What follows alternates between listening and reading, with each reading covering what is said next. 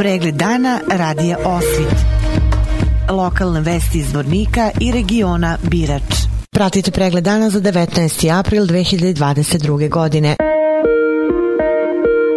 Saobraćaj se na putevima Zvorničke regije tokom dana odvijao po suvim i mestim i čovlažnim kolovozima. Sa autobuske stanice Zvornik svi autobusi saobraćaju redovno. Snadbevanje električnom energijom i vodosnadbevanje bilo je bez problema. Pripadnici službe profesionalne vatrogas jedinice Zvornik nisu imali intervencija. U porodilištu javne zdravstvene ustanove bolnica Zvornik rođene su dve devojčice. Na području koje operativno pokriva policijska uprava Zvornik zabeležena su dva krivična dela u Kozluku i Srebrenici. Dogodila se jedna saobraćena nezgoda u Donjoj Crnoj Pilici u kojoj je pričinjena materijalna šteta i jedno lice u Bratuncu je lišeno slobode do otrežnjenja zbog vožnje pod dejstvom alkohola.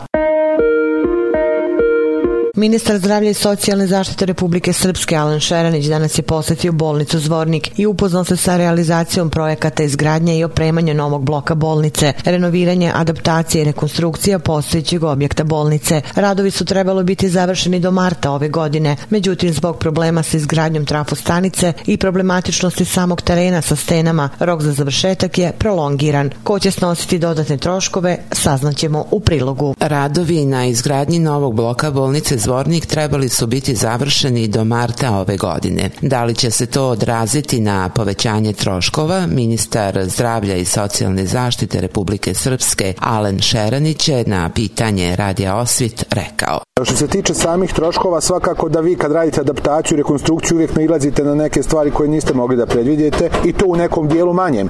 Utiče na realizaciju samog projekta i na troškovnik, hajde tako da kažem, ali to su stvari koje imaju svoju redovnu proceduru, prije svega da se utvrdi potreba takve vrste radova, da nadzor odobri takvu vrstu radova i ukoliko je sve svrsishodno svakako i logično, ima svoje opravdanje, onda nikad nije problem da se odobre i takva vrsta dodatnih sredstava ako je potrebno da se tako nešto uradi na samoj bolnici. Prije svega sad je pravimo i trudimo se da je napravimo što je moguće bolje i da bude što kvalitetnija da kasnije nemamo nekih zamjerki prije svega od naših građana. Da li će troškove snositi vlada Republike Srpske? Šeranić kaže. Tako je, vlada Republike Srpske finansira cijeli ovaj projekat. Projekat finansijska konstrukcija je zatvorena na način da vlada trenutno daje nekih 27,5 miliona konvertibilnih maraka, milion i po iz donacije Republike Srbije koje su predviđene za ove namjene, tako da je to taj iznos jeli, od 29 miliona konvertibilnih maraka koji se ulažu u bolnicu od uzvorniku.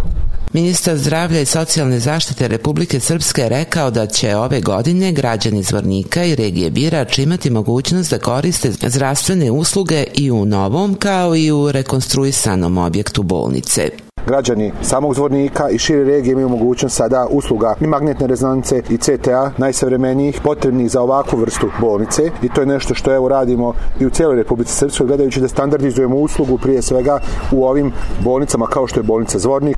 S druge strane evo imali smo priliku da se uvjerimo i o završetku grubih građevinskih radova novog bloka bolnice zajedno sa završetkom radova ovde i na heliodromu čime se već čime su se već tekli uslovi kao što ste vidjeli da se krene i sa unutrašnjim radovima po pitanju prije svega pregradnih zidova, zatim i svakako elektro i mašinske faze i za sam ovaj uh, objekat. Od izvođača imamo uvjerenje da će svakako u skladu sa dinamikom biti završen ovaj projekat cijeli, tako da se nadamo evo da će ove godine građani Zvornika imati mogućnost, naravno i šire regije, da po zdravstvene usluge dolaze i ovaj novi objekat, svakako adaptiran i rekonstruisan uh, stari objekat.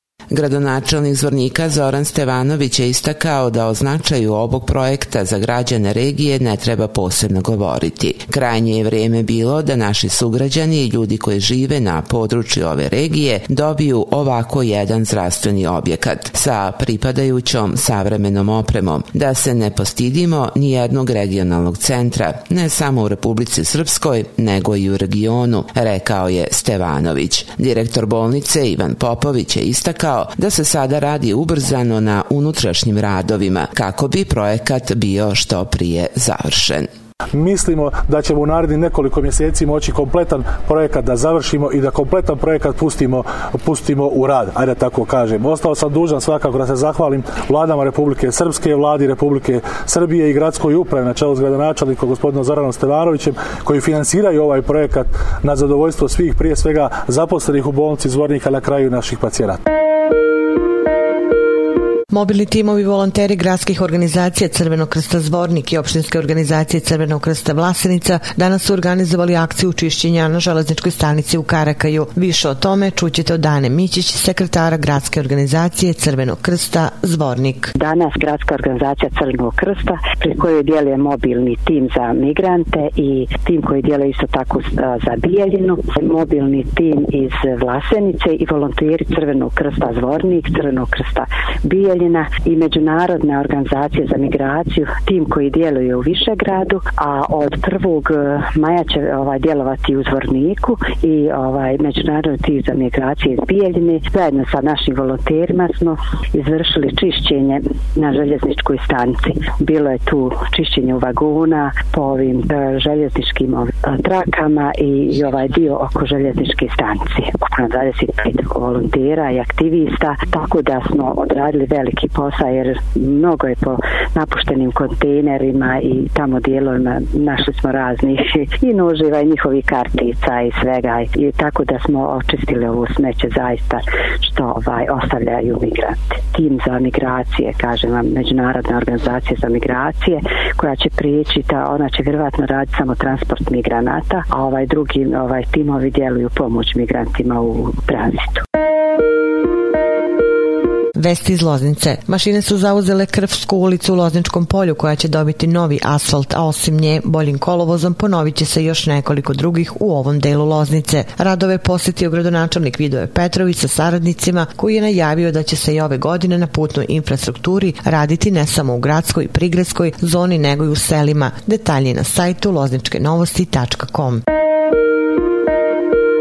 Vesti sporta. Na Evropskom prvenstvu za mlade u boksu koje se održava u Sofiji, Sara Ćirković plasirala se u polufinale i tako obezbedila najmanje bronzanu medalju za reprezentaciju Srbije. Zvornička bokserka u četvrtfinalu bila je bolja od Sofije Winter Roxaung iz Danske, koja je na prošlom evropskom šampionatu osvojila bronzanu medalju. Sutra u meču za prolazak u finale Sara Ćirković boksuje protiv predstavnice Španije. Evropsko prvenstvo za mlade u Sofiji okupilo je 377 takmičara iz 40 30 zemalja.